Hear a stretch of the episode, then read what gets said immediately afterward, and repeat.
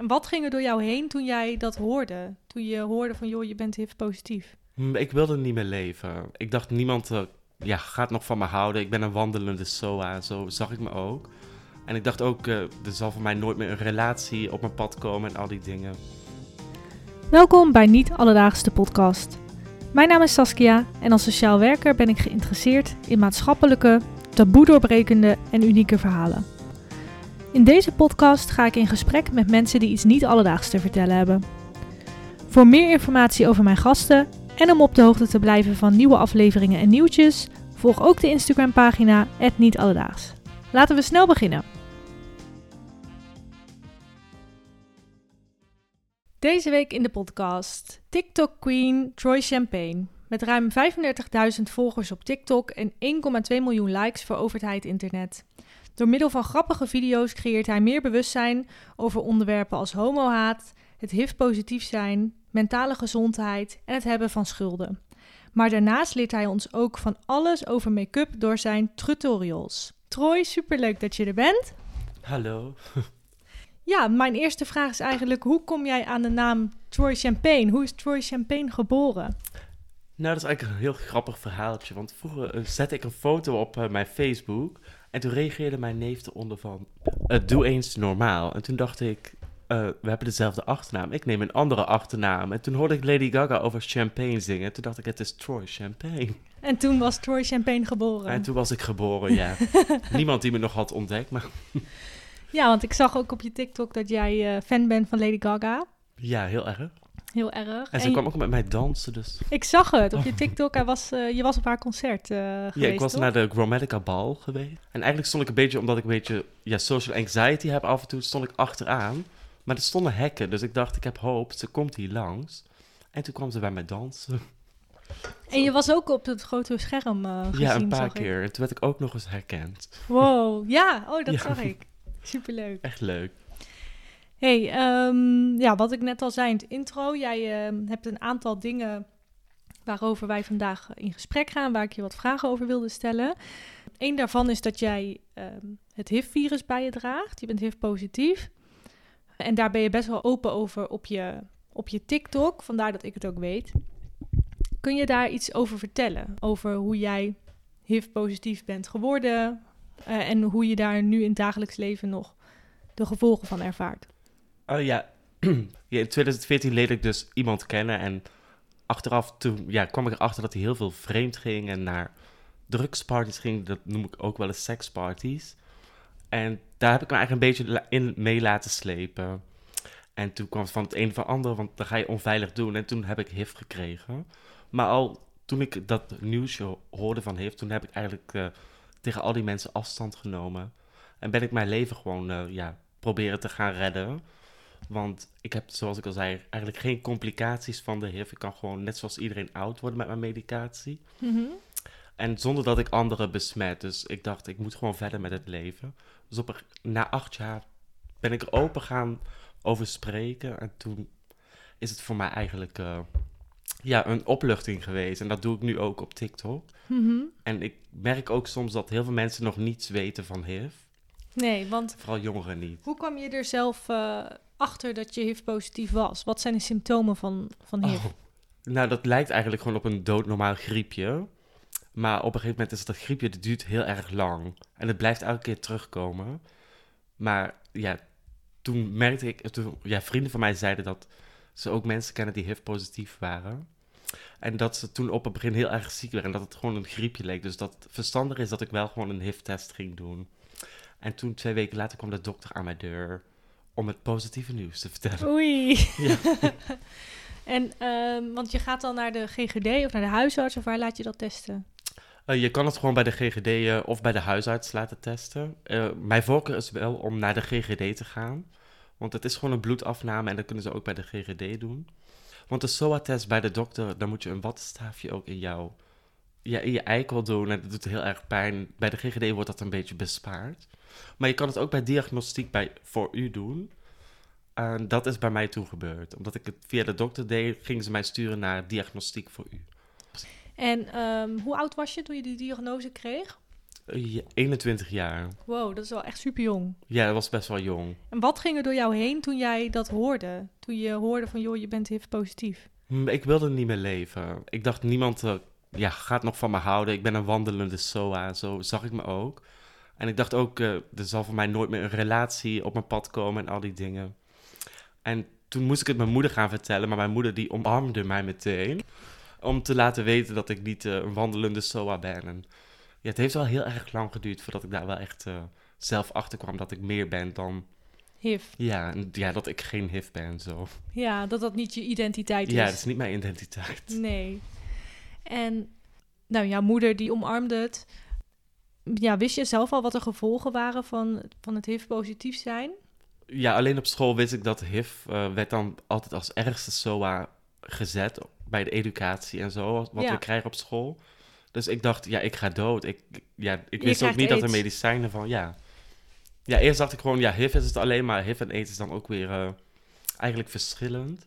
AIDS is dan weer het te late stadium, Mhm. waardoor je organen ermee ophouden en zo. Maar ik dacht dus, ja, dat er geen medicatie was en dat ik dus dood zou gaan. Wat heftig. Dat wel. Om maar dat de te dokter zei meteen dat er wel medicatie is en zo, dus... Ja, want wat voor medicatie krijg je?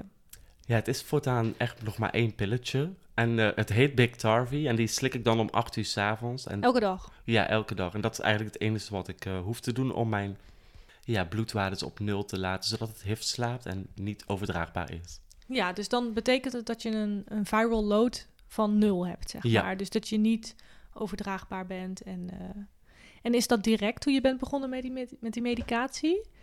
Eh, ja, dat was in dezelfde maand kreeg ik al wel gewoon eh, de medicatie meteen al ja, vrij snel. Ik weet niet meer precies hoe snel, maar ik weet wel dat het heel snel ging. En ben je dan direct niet meer overdraagbaar? Nee, dat duurt ook wel twee of drie maanden ongeveer. Het ligt per persoon verschillend en zo.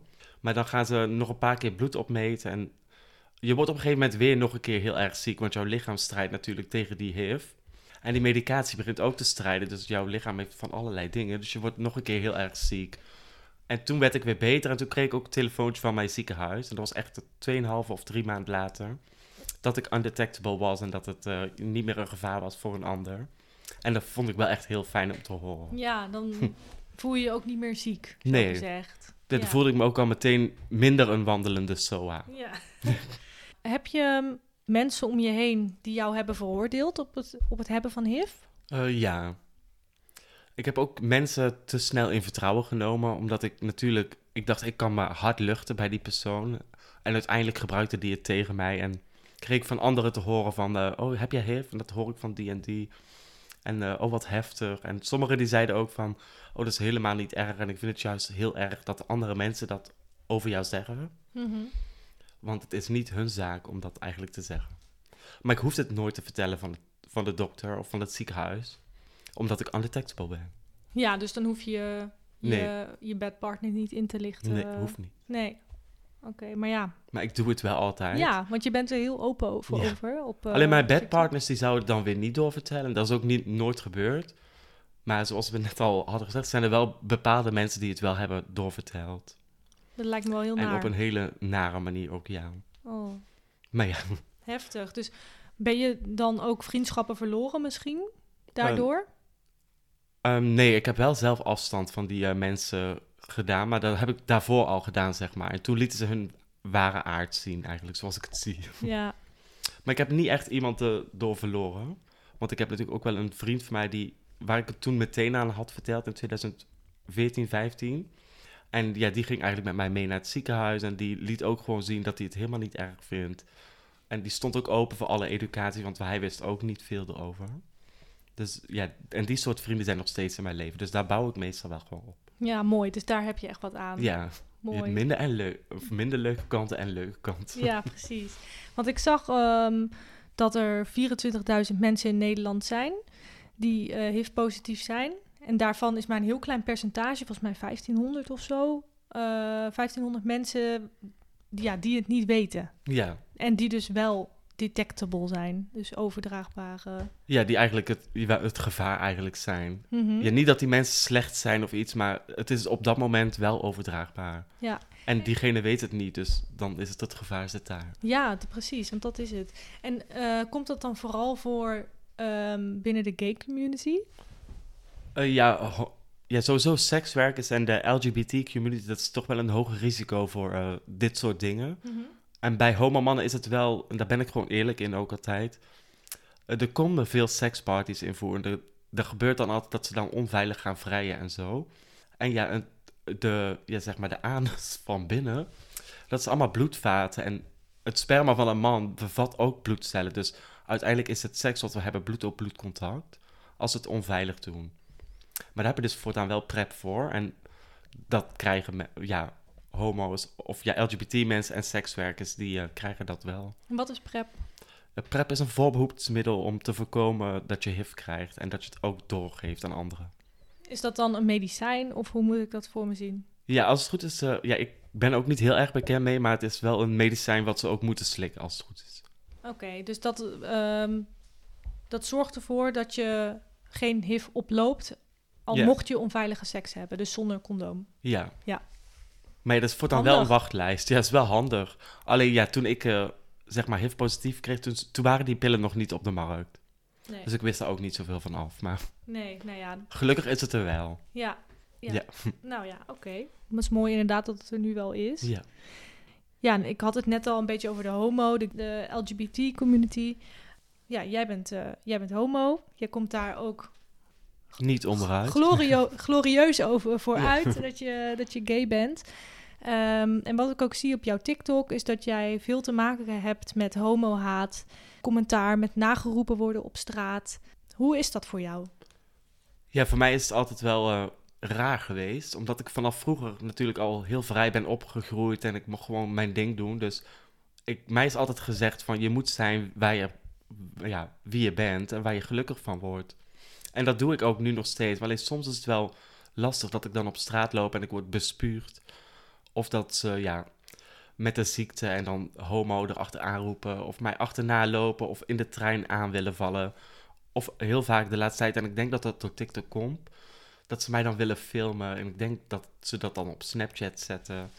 Of op andere gekke sites zoals Telegram.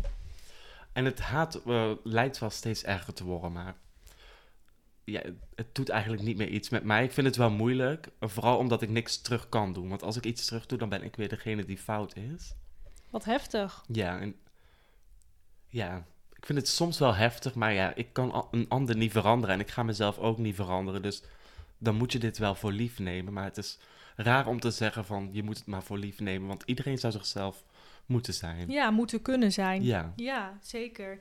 En ik vind het ook heel knap dat je ondanks die nare ervaringen toch nog steeds op je hoge hakken naar buiten gaat als je daar zin in hebt en met make-up naar buiten gaat en dat je toch blijft ja. wie je bent en dat je da dat je niet voor andere mensen dat gaat aanpassen. Nee, want dat is ook hoe ik ben eh, opgegroeid. Van, ja, toen ik dan vroeger een prinsessenjurkje aandeed en mijn moeder zei... Ja, op school kun je dat misschien beter niet meer aandoen, maar thuis kan dat wel. Dus het is altijd bijgebleven dat ik gewoon ja, moet doen wat ik leuk vind. En ook al heeft een ander daar commentaar op, dan moet ik dan eigenlijk boven staan. Wat mooi dat je ouders je die opvoeding Dat hebben wel. meegegeven. Ja, dat vind ik ook wel heel erg mooi. Alleen het is soms wel lastig, want dan heb je natuurlijk een goede dag en dan loop je buiten en dan je weet dat je er gewoon heel goed uitziet en jezelf helemaal voelt en dan word je ineens zo afgekraakt en dan denk je, oh, ligt het nou aan mij? Maar daar heb ik gelukkig TikTok voor en dan lees ik die reacties van de lieve mensen en dan denk ik, oh, dus ik ben helemaal geen probleem. Ik ben gewoon goed bezig en het ligt aan de ander. Precies. Ja, En krijg je ook veel haatreacties online? Of is het Oh, vooral... ja. Ja? Is ja het... vooral als het viraal gaat weer. En is het dan meer haat of meer positief wat je ziet? Ehm, soms wel meer haat, maar soms kan ik het ook niet. eh, ja, is er geen overzicht over? Dan zie ik de ene uur heel veel haat en dan een ander uur kan ik ineens heel veel liefde krijgen. Mhm. Maar het is ook vaak dat ik een haatreactie krijg en dat iemand anders zegt van bemoei met jezelf. En dan denk ik, oh, ze komen wel voor me op. Precies, dus dat Ja. doet je wel heel goed als Dat mensen doet me goed, eh, ja. ja. Ja, nu zeg je ik sta daarboven. En zo, dat heb je ook meegekregen vanuit je opvoeding. Is dat altijd zo geweest? Nee, want ik was, eh, ja, vooral omdat ik, ik wist niet wat ik verkeerd deed als kind. En ik werd ineens heel erg gepest. Dus ik dacht, er is altijd iets mis met mij of zo. En daardoor ben ik heel erg onzeker geworden. Maar hoe ouder ik nu ook ben geworden, ik krijg toch elke keer de woorden van mijn ouders te horen van, je moet gewoon doen wat jij leuk vindt. En ik merk ook, als ik dat vaker doe, dat ik dan gewoon mezelf blijf en dat mijn onzekerheden wegvallen. En dat mijn onzekerheden was wel echt een trigger in mijn verleden. Mhm. denk ik. De trigger voor wat? Ja, voor, eh, ja, voordat ik dan gepest werd of zo. Ja, dus Dat ik me dan heel erg onzeker voelde en ja, dat ik daarom in de knoop ging met mezelf. Er zijn ook tijden geweest dat ik dacht van, oh, ik moet me mannelijker aankleden. Mhm. Dan voel ik erbij, maar ook al deed ik mannelijke kleding aan, werd ik weer uitgescholden. ja. Dus ja, ja, dus je kon het in jouw ogen eigenlijk ook nooit goed doen voor een ander. nee. En Nee. dat is ook misschien dat stukje onzekerheid dat ik me dan ging aanpassen voor een ander. En ja, dat moet je nooit doen. Nee. Nou, dat is denk ik al een heel mooie les die je ons leert. Want wat zou je verder nog willen meegeven aan andere mensen die eh struggelen met, ja, met dit? Dat ze... Ja, om gewoon over die drempel heen te gaan. En ik weet dat het af en toe heel moeilijk is om met de kleding naar buiten te gaan waar je echt go- goed in voelt. Maar als je eenmaal die drempel over bent gegaan, dan voel je je zo powerful. En ja, tenminste, dat heb ik. Dat mensen mij niet meer iets kunnen zeggen wat ik nou wel of niet moet doen. En ja, ik zou gewoon zeggen, vooral jezelf blijven en jezelf blijven ontdekken. En er zijn altijd meerdere wegen die naar Rome gaan. Mhm. Dus er is een weg om van je onzekerheid af te komen. Alleen ik weet ook niet precies hoe, want voor iedereen is dat anders. Ja, tuurlijk. Maar ik zou gewoon jezelf blijven zijn, want dat heeft mijn moeder ook altijd tegen mij gezegd en mijn vader. En dat zal ik ook tegen jullie zeggen. Je moet altijd jezelf blijven. Nou, dat is elk geval een heel mooi Ja. advies. En je zei, ik word ook wel eens nageroepen. Maar de- je zegt ook dat er fysiek geweld wel eens wordt gebruikt. Ja, dat was dus laatst in de trein. Eh, toen kwam ik van een event af van eh, Jamila Salinas had dan een liedje uitgebracht, Rich Girl. Dus ik had een kanttopje aan, maar ik moest in de nacht weer terugreizen. En toen was iemand mij aan het filmen en toen zei ik al, wil je ermee ophouden? En toen wou ik eigenlijk weggaan. En toen begon hij mij te duwen en ook met zijn vuist uit, uit te halen. Dus toen heb ik mijn hak gepakt en heb ik mezelf beschermd, maar iets te hard. Maar Ja. eh, ja, ik was, ik- op dat moment raakte ik in paniek. Dus ik wist niet hoe ik daarmee om moest gaan, want ik hou absoluut niet van vechten. Nee, het was gewoon zelfverdediging, als Ja. hoe ik het nu hoor. Ja, het is, in mijn ogen was het ook zelfverdediging, maar ik heb natuurlijk ook borderline. Dus ja, als ik dan in zelfverdediging ga, kan het net iets te heftig zijn misschien. Maar En hoe is dat afgelopen? eh, ja, ik heb die jongen daarna niet meer gezien, maar ik was wel degene die een blauwe oog had. En ja, mijn, zelfs mijn pink was gebroken. Wow. Ja, dus ja, eigenlijk denk ik wel gewoon dat ik erger eraan toe was dan dat hij er was. Want anders kon ik me wel herinneren hoe hij eruit zag. En in mijn ogen zag hij er gewoon heel normaal uit. En niet dat hij een blauw oog had van mijn hak of zo. Nee. Dus ik heb niet goed hart. Nee. Nee, nee is ook niet goed. Met geweld los je sowieso niks op. Maar ik wist niet hoe ik me anders moest beschermen op dat moment. Nee. Nou ja, heel begrijpelijk. Ja. En maken zulke soort incidenten je bang om naar buiten te gaan? Maar het eh, triggert wel natuurlijk weer mijn eh, social anxiety, mijn paniekaanvallen. Dus het heeft wel echt weer ja, een week of anderhalf geduurd. En dat is voor mij doen best wel snel. Om weer naar buiten te gaan. Om weer in de avond naar buiten te gaan. Om weer te gaan reizen. Want ik doe nu ook een school. En dat is in Amsterdam. Dus ik moet weer met de trein. Dus, maar daar ben ik weer overheen gekomen. Zoals, zoals ik al eerder zei, van, je moet over een drempel heen komen. En voor mij was dit ook een drempel om weer ja, eroverheen te komen. Want ik kan wel denken dat iedere jongen een homo-hater is. Maar dat is niet. Nee, Nee, want ik heb ook gelukkig niet. ja, nee. Dat denk ik ook wel eens op straat. Dan denk ik, oh, die gaat mij wel uitschelden. En dan word ik ineens gewoon normaal aangesproken. En dan zegt hij, je bent van TikTok, toch? En dan denk ik, oh, het kan wel gewoon normaal. Ja, Maar ja, dat is niet eh, bij iedereen, dus. nee. En Maar de trein is heel heftig. ja, want in een trein kun je ook geen kant op. Nee. Dat lijkt me vooral eng. Dat ja, als iemand het op jou gemunt heeft, zo gezegd, dan kun jij nergens naartoe. Nee. En ik ging sowieso al op, in een rustig gedeelte zitten op het begin. En dat was misschien mijn fout geweest. Want ik dacht, ik ga in een rustig gedeelte zitten. Dan word ik minder eh, snel of vaak herkend door TikTok. Want dat vind ik soms ook nog wel eens moeilijk. En vooral als ik dan zoveel prikkels al heb meegemaakt, dan denk ik, ik ga even rustig zitten. Ja. Maar ik had beter kunnen gaan zitten bij de, ja, waar heel veel mensen zaten. Want nu zat ik in een trein met twee mannen. En de ene die was mij heel de tijd aan het filmen. En die andere voel, ja, die viel mij daarna van achteraan, omdat ik met die hak sloeg. Ja, mis- Wat heftig. ja wel heftig, maar En eh, je zei al, ik heb last van social anxiety. ja. Komt dat ook voort uit eh, de haat die je krijgt? Ja, ik denk wel dat dat eh 70% daarvan is. En de andere procent misschien van de trauma's wat ik al heb meegemaakt. Wat heftig. Ja, maar het, het gaat tegenwoordig wel beter. Nu ik ook die make-up opleiding doe en zoals dit, zijn ook weer drempels voor mij om er overheen te komen. En TikTok werkt daar ook af en toe bij, want dan word ik herkend. En nu denk ik van, oh ja, maak maar een foto. Maar een half jaar geleden zou ik wegrennen of zo. Want hoe lang doe je TikTok nu? Ehm, nou, eh, sinds twee jaar. Ik had het wel al in 2016. Toen dacht ik Musical Lie. En mijn nichtje zei, je moet dat echt gaan downloaden. Maar toen had ik het alleen gedownload in 2016. En toen in 2020, toen de corona kwam, toen dacht ik, ik uh, ga het weer downloaden. Want toen werd het ook ineens booming. Toen ging iedereen ja. TikTokken, toch? Ja, ja, en toen eigenlijk half 2020, toen ging mijn eerste video viraal. En het ging natuurlijk weer over homo-haat, want ik werd uh, uitgescholden. En toen dacht ik van, ja, waarom kan ik gewoon niet mezelf zijn? Dat ik maak er een video over. En dat vonden mensen leuk. Ja, dus dat is ook mooi dat je ook die positieve geluiden ja, want eigenlijk op, op dat soort, dat ik iets post, dan denk ik er niet over na van ik kan anderen daarmee motiveren. Maar ik heb heel veel mensen gemotiveerd met zo'n video. Ja, dat is wel mooi. Dat is wel echt, achteraf is dat wel heel lief. Ja. ja. Ja, je vertelde net ook al over dat je borderline hebt. Ja. Hoe uitzicht dat bij jou? Nou ja, vroeger uh, uitte dat zich uh, heel erg. Vooral met onzekerheden ook weer. En uh, ja, dat ik zeg maar mijn eigen ging verminken door mijn vinger in mijn keel te doen. Maar ik weet niet precies hoe dat is. Want de ene keer ben ik dan heel vrolijk. En er hoeft dan maar iets te gebeuren of een tegenslag te zijn. En ik kan ineens in een heel diep dal zitten. Ja. Maar het is bij mij wel een heel lichtelijke. Hoe zeg je dat als je dat zwart op wit krijgt? Een diagnose. Ja, een lichte diagnose van borderline. Omdat ik dus ja, veel dingen mee heb gemaakt met de scheiding van mijn ouders en die dingen. En vaak vroeger in in de steek ben gelaten en al die dingen. En ik denk dat dat, dat, dat dan borderline opwekt bij je, een kind of zo. Mhm. Maar hoe ik, ik weet niet precies hoe ik ermee omga, want het is vanzelf allemaal een beetje overgegaan. Ja, je weet niet meer hoe het is ook om zonder borderline te leven misschien. Nee, en eerst vond ik het heel erg dat ze mij een stempel borderline gaven. Maar uiteindelijk is het gewoon wie ik ben. Mhm. Maar ik merk wel dat ik steeds vrolijker ben omdat ik nu hobby's heb en al die dingen. En hoe ouder ik word, dat ik er minder last van heb. Nou, dat is mooi. Ja, dat wel. ja, want wat ik weet van borderline is dat je inderdaad vaak niet in, in de juiste balans bent. Dat je snel afgewezen voelt of kan voelen. Ja. Uh, dat, dat die emoties ook sterker dan heftiger zijn.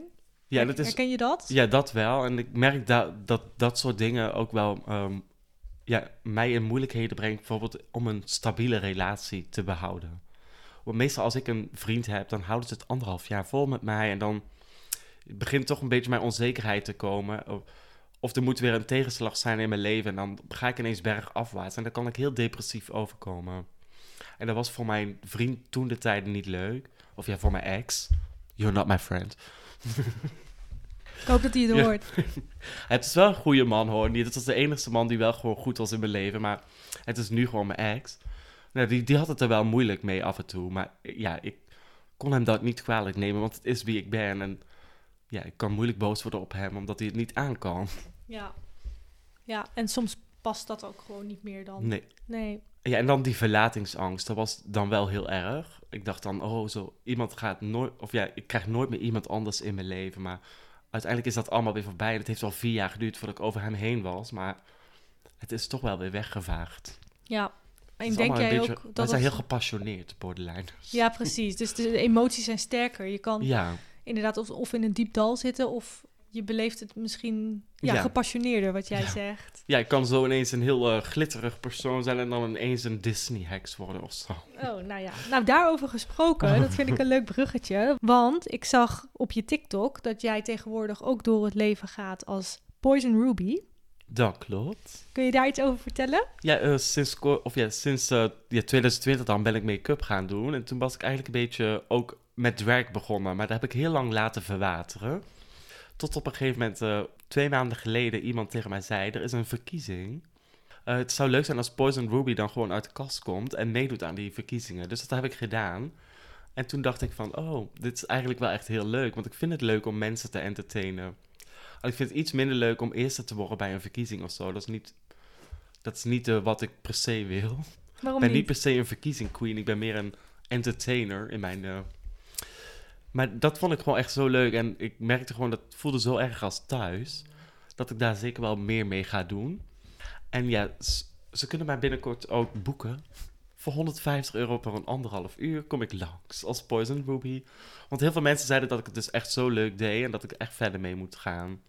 Maar ik vind het ook zelf heel leuk, dus ik denk wel dat dat goed gaat komen. Wat superleuk. Maar het is allemaal nog heel erg beginnerig hoor. Ja, en waar kunnen ze jou boeken? Het is misschien goed om dat even te vertellen. Ja, dan moet ik nog een beetje allemaal kijken. Maar je kan, als je echt wil, gewoon in mijn DM op Instagram. En mijn Instagram is wel gewoon Troy Champagne. Slide in de DM. Maar dan kunnen we samen een DM'tje, of je- dan kunnen we er samen uh, over babbelen en zo.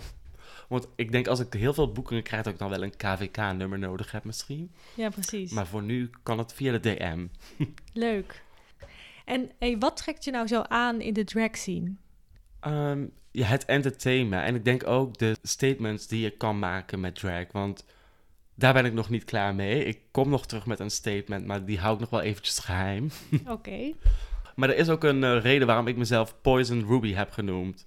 Want Ruby staat voor rood en dat gaat over het AIDS-fonds en over HIV. En Poison is eigenlijk gewoon het, het giftige aan de kant van HIV. Dus het gevaarlijke. Dus eigenlijk staat het gewoon, ja, Poison Ruby voor... Ja, dat staat eigenlijk gewoon voor, eh, ja, het HIV, denk ik. Ja, Ik weet nog niet precies hoe ik het moet verwoorden, maar het heeft daar wel mee te maken. dat is een mooie naam. Daarom vind, dat vond ik ook. En ik hou van edelstenen natuurlijk. Oh ja, en een ruby is dat dan... Ja, dat is een eh, robijn, Een robijn, zeg maar. En een ja. robijn is zeg maar net zo rood als bloed. Dus toen vond ik het heel mooi ook om, eh, ja, dat de, rood is de kleur van de AIDS-fonds. En om eerbetoon naar de mensen en de slachtoffers van HIV en AIDS, dacht ik, ik wil het toch in mijn dragnaam meenemen. En zodat hun, ja, altijd over mijn rug meekijken.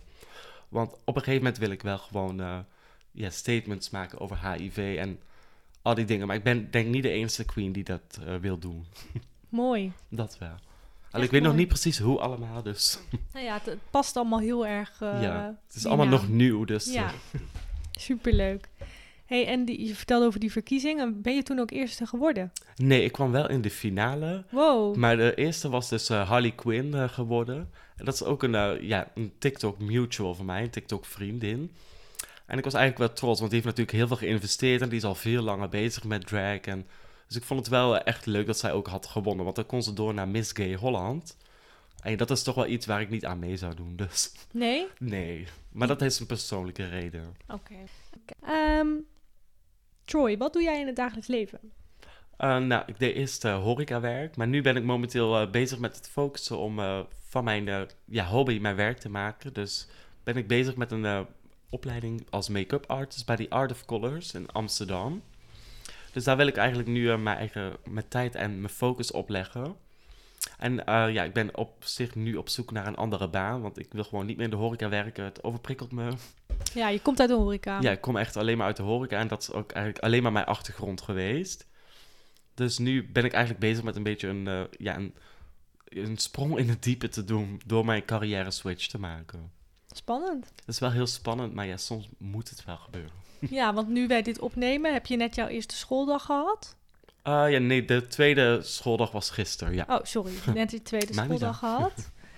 En eh, hoe bevalt het? Nou, ik vind het heel erg leuk en het voelt ook gewoon, ja, net zoals bij de drag, eh, bij mijn dragzussen als thuis. Dus toen ik daar aankwam, ja, er zijn alleen maar vrouwen en dat is voor mij een veel vertrouwend gevoel. En ik voel me ook gewoon, eh, ja, nuttig. En ik, ik heb vertrouwen in dat het wel goed komt. En mocht het niet goed komen, is het wel weer een ervaring rijker. Zeker, je ik. leert altijd wat. Ja, dat wel. Ja, want wat ik al zei in, toen ik jou aankondigde, hè, eh, je maakt eh, op eh, TikTok tutorials. Ja, dat is alleen nu een beetje bevrozen, omdat ik natuurlijk wel vond van... Ik kan wat tutorials de hele tijd blijven maken, maar soms heb ik ook niet het verstand van de producten wat ik in mijn handen heb. Dus toen zeiden ze ook tegen mij, waarom doe je niet een make-up opleiding? Want dan leer je veel meer. En dan leer je straks ook hoe je beter tutorials kan maken. En daar, daarom ben ik nu ook op school. En daar, ja, daar gaan ze mij zeg maar naartoe leiden. Ja, precies. Naartoe begeleiden. Want je moet ook af en toe oefenen op modellen. Je hebt net toevallig ook op mij geoefend. Ja. Ik was echt helemaal vereerd. Zullen, En ben je de- blij met het resultaat? ik ben heel blij met het resultaat. Oh, dat vind ik goed om te horen. Een natural look. Dat eh, vind ik eh, zelf altijd wel fijn, want ik ben niet zo uitbundig als het gaat om make-up. Dus eh, ik vind dit heel erg leuk. En eh, op de Instagram, niet alledaags, zie je een fotootje van Troy en mij en hoe die mij heeft opgemaakt. Dus bedankt daarvoor. Graag gedaan. Ik vond het heel leuk om te doen. En eh, ja, wij zijn eigenlijk eh, bijna buurtjes. Ja, wij zijn echt uh, buufkes. Ja, precies. wij wonen allebei in dezelfde wijk. En ik zag Troy al wel eens lopen. En ik ken Troy natuurlijk van TikTok. Dus ik dacht, dit is eigenlijk wel superleuk om Troy in de, een keer in de podcast te hebben. En lekker dichtbij. Ja, en lekker dichtbij, zeker weten. Want we kunnen letterlijk kruipend naar huis staan. Ja, precies. Dus uh, als je nog een flesje wijn wil... Uh... de volgende keer kom ik op mijn hakken. Dat uh, had ik ook gewoon kunnen doen. Had prima gekund, zeker. is een makkelijke afstand. en nog een vraag. jij hebt bewindvoering gehad. Mm -hmm. En je bent daar acht jaar, heb je in zo'n traject gezeten. En nu sinds een paar maanden ben je daar vanaf. Ben je uit de bewindvoering. Ja. Kun je daar iets over vertellen? Ja, nou, dat was ook ergens in 2014 dat ik uh, bewindvoering kreeg, eigenlijk net voordat ik HIV kreeg en zo. Dus eigenlijk had ik toen nooit geleerd dat ik mijn rekeningen moest gaan betalen. Dus toen kreeg ik heel erg schulden, kreeg ik bewindvoering. Dus eerst krijg je dan een rechtspraak. En ik vond het heel erg moeilijk. Want het waren heel erg moeilijke tijden, want ineens kun je je geld niet ja, dat heb je niet zelf in handen. Je hebt, niet, uh, je hebt zeg maar niet de, de rechten om over je eigen rekening te gaan. Dus eigenlijk wordt alles voor je bepaald. Dus het waren echt wel hele moeilijke tijden eigenlijk. Mm -hmm. Maar op het begin vond ik het natuurlijk heel moeilijk, want ik moest ineens leren om uh, van 20 euro in de week te leven. Met boodschappen? Ja, en in 2014 was dat op zich nog wel haalbaar. Maar als je nu kijkt, de tijden nu, ik denk ook niet dat dat meer haalbaar is. Weekgeld van Zeker 20, niet. 30 euro. Want woonde je toen ook al op jezelf? Ja, toen woonde ik allemaal uh, net op mezelf in Eindhoven. Want mijn ouders zijn natuurlijk gescheiden en uh, toen ging ik bij mijn moeder wonen, maar dat ging niet zo goed met mijn stiefvader en mijn broer. Ik ging ook een beetje foundation opdoen en vond dat allemaal te vrouwelijk. Terwijl ik eigenlijk al zo altijd ben geweest. Maar toen hebben ze ja, mijn begeleiding gezegd van, ja, we gaan voor jou een uh, eigen huis zoeken. En eerst zou het dan bij de inloopschip zijn hier in Den Bosch. Maar dat was gelukkig snel voor mij anders geworden en ik kon naar Eindhoven toe. En toen ging ik begeleid wonen. Maar toen moest ik ook leren om van die 20 euro dus boodschappen te halen. En dat was niet altijd zo. Nee, dat is moeilijk. Ja. En voor onze luisteraars, het inloopschip is een, uh, een dag- en nachtopvang hè, hier in Den Bosch. Oh. Een dakloze opvang. Ja. Ik kan me voorstellen dat het wel even schrikken was toen je dacht, moet ik daar naartoe? Ja, ja, ik schrok meteen natuurlijk en ik dacht, oh nee, daar moet ik naartoe. Maar heel snel zeiden ze al van, ja, dat, daar gaan wij jou niet naartoe brengen. En hoe zag dat begeleid wonen eruit? Uh, het begeleid wonen in uh, Eindhoven. Ja, zeg maar, ik uh, woonde zeg maar in een huis en daar waren nog drie anderen. Er waren wel twee volwassen mannen, maar ze waren wel gewoon heel aardig. Maar dan deelden wij dat huis samen, zeg maar. En dan moest ik dan één keer in de week naar afspraken komen. Maar uiteindelijk de hulp die ik vroeg, want ik wilde gewoon met mijn toekomst en al die dingen. En ik wilde een school doen waar ik allemaal op vroeg, dat kon allemaal niet. En mijn school kon niet gedaan worden, ook omdat ik bewindvoering had. Dus die raadde het af om niet je school te doen, want dan krijg je weer nieuwe schulden. Dus dat vonden ze ja, nodig om mij niet te laten studeren. Dus eigenlijk werd ik aan mijn lot overgelaten, ook met die begeleiding. Ja, want ze konden niet, niets meer doen dan dat ze ja, kunnen. Maar uiteindelijk was ook uh, dat traject afgelopen en moest ik weer terug naar Den Bosch ver verhuizen. Maar dat is nog wel erg, want ik heb eigenlijk wel op een soort van inloopschip denk gewoond. Als het leger des heils hetzelfde is. Ja, dat denk ik wel. Als het Ja. ook een dakloze opvang. Eh, er waren zeg maar jongeren die dan vast hebben gezeten en die daarna niet meer thuis mochten wonen omdat hun ouders wouden hun niet meer thuis hebben. Mhm. En eigenlijk had ik daar niet de indicatie voor, maar ik stond anders op straat. Dus toen hebben ze mij wel gewoon een plek gegeven, maar dat was niet altijd even leuk. Want we moesten dan ook soms koken en dan mensen wouden geen eten van mij, want dan zeiden ze, oh, er zitten homobacillen in. ja, Sorry dat ik daarom moet lachen, maar sorry, waar slaat dit op? ja dat, ik moest toen ook lachen. En toen ben ik ook weggegaan. Ik zeg dan, eet maar lekker niks. Jeetje, wat heftig. Ja, was wel heftig. Maar het was ook daar best wel heftig, want er zijn natuurlijk eh, jongeren met drugsproblemen die dan psychoses krijgen. En dan wil je iets doen, maar het beste wat hun dan zeggen, je begeleider zeggen, is sluit jezelf op in je eigen kamer. En ga niet zo iemand proberen te troosten. Want je had gelukkig wel een eigen kamer. Ja, ik had wel een eigen kamer, dus dat hoefde ik niet te delen. En de jongens waarmee ik op de afdeling zat, zeg maar, of ja, op de appartementvloer, die waren wel gewoon aardig tegen mij meestal. Alleen eentje kreeg dan een psychose, dat was een beetje raar om mee te maken, maar eh, ja, dit zijn de bewindvoeringtijden. Ja. Jeetje. Ja, want het was op zich wel beter voor mijn schulden. Ik hoefde geen huur te betalen en zo. Dus dat werd dan wel snel afgelost. Dat wordt allemaal geregeld. Ja, maar Ja. ik heb ook vaak tegen de bewindvoerder gezegd van... luister, dit is gewoon niet goed voor mij. En hoe was jouw contact met je bewindvoerder? Eh, wel eh, haat en liefde. Mhm. Haat, haat en liefde. nee, ik vond het de ene kant eh, vond ik het natuurlijk wel eh, goed, want hun zijn mijn schulden aan het aflossen.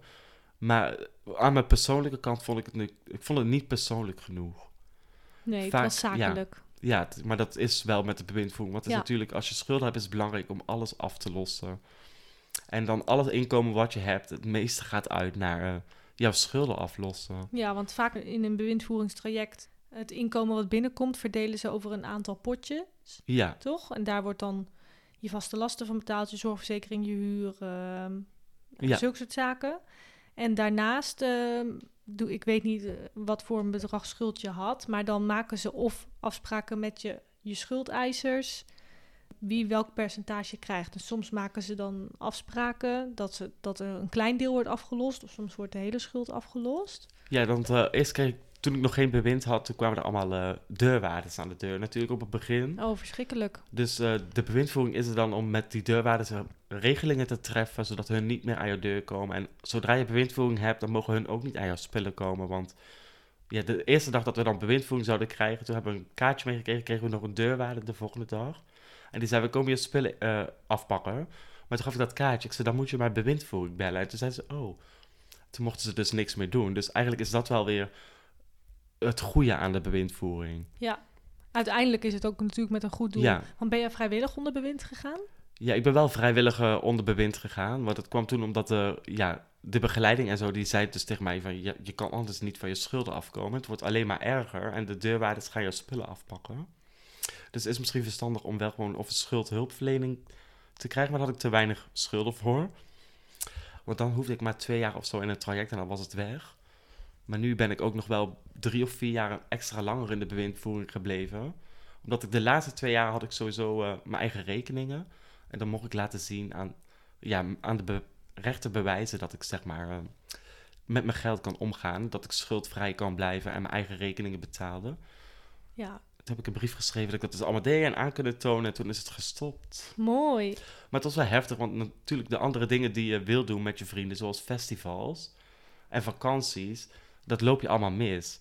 En we zijn allemaal jong, dus als je tegen je vrienden zei van ik heb bewind, niet iedereen snapt dat. Nee, en iedereen denkt, ik wil Ja. gewoon met jou op vakantie, ik wil gewoon met jou uit. Ja, en dat, dan moet jij nee zeggen. ja, en dat vond ik zelf al heel moeilijk. En ik werd dan altijd boos op ze. En dan werden hun weer boos op mij. En dan, en dan ging het weer verwateren. Maar ik vind het op zich niet erg. Want dat laat ook zien dat anderen zeg maar, nog niet dat hebben meegemaakt. En heb je nu nog steeds iemand die meekijkt met je financiën? Eh, nee, ik ben eh, nu wel zelf eh, echt helemaal mijn neus, neus op alles. Want nu ook met die gasrekeningen. Ik heb meteen naar de gemeente gebeld. Ik heb eh, budgetbeheer gevraagd, want ik dacht, dat heb ik nodig. Maar hun gingen dus vragen van wat ik zelf al heb gedaan. En eigenlijk alles wat hun wouden voorstellen, heb ik zelf al gedaan. Ja, want soms kun je, in sommige gevallen kun je ook energietoeslag aanvragen volgens Ja, mij. Dat Dan krijg je eenmalig 800 euro volgens mij. Ja, of 800 euro. Ja, als het goed is er wel 500 euro extra. Maar in Den Bosch was het nog niet duidelijk wanneer we dat kregen. Oké, maar dat zit er dus nog aan te komen als het goed Ja. is. Nou, dat is wel in elk geval mooi. Ehm, en ik denk dat heel veel Nederlanders daar te maken mee gaan krijgen. Ja. Zeker als we een beetje een koude winter krijgen. Die gasprijzen zijn gewoon niet leuk. Nee, echt niet. Maar, Verhuis niet naar Nederland. Nee, precies. Mochten we internationale luisteraars hebben, verhuis niet naar Nederland. Dat is heel duur. Ja. Ja, ik weet ook niet als het dadelijk echt 300, 400 euro wordt. eh, ja, ik ga gewoon het gas af laten sluiten. Ja, precies. Sorry hoor. Nou, ehm, Troy, bedankt voor je. Of, wil je nog iets vertellen aan, aan de luisteraars? Iets waarvan je denkt: hier wil, wil, dit wil ik echt gezegd hebben. Hier moet meer bewustzijn over komen. Eh, ja, over het taboe voor eh, mensen met HIV en mensen met schulden. Gewoon alles waar ik nu een beetje over heb. Er ligt natuurlijk heel veel taboe over. Dat we gewoon allemaal bij elkaar komen. En, want het wordt, zoals met de elektriciteit en de gas, het wordt alleen maar erger. En er zijn daar gezinnen die niet meer kunnen eten. En we hebben elkaar nodig. En we moeten dichter bij elkaar komen. Dat wil ik gewoon alleen zeggen. Nou, mooi. Ik hoop dat dat gebeurt. Ik hoop het ook. Krengen. Krengen. Dat is jouw stopwoordje. Ja, dat is echt mijn favoriet woord. Kreng.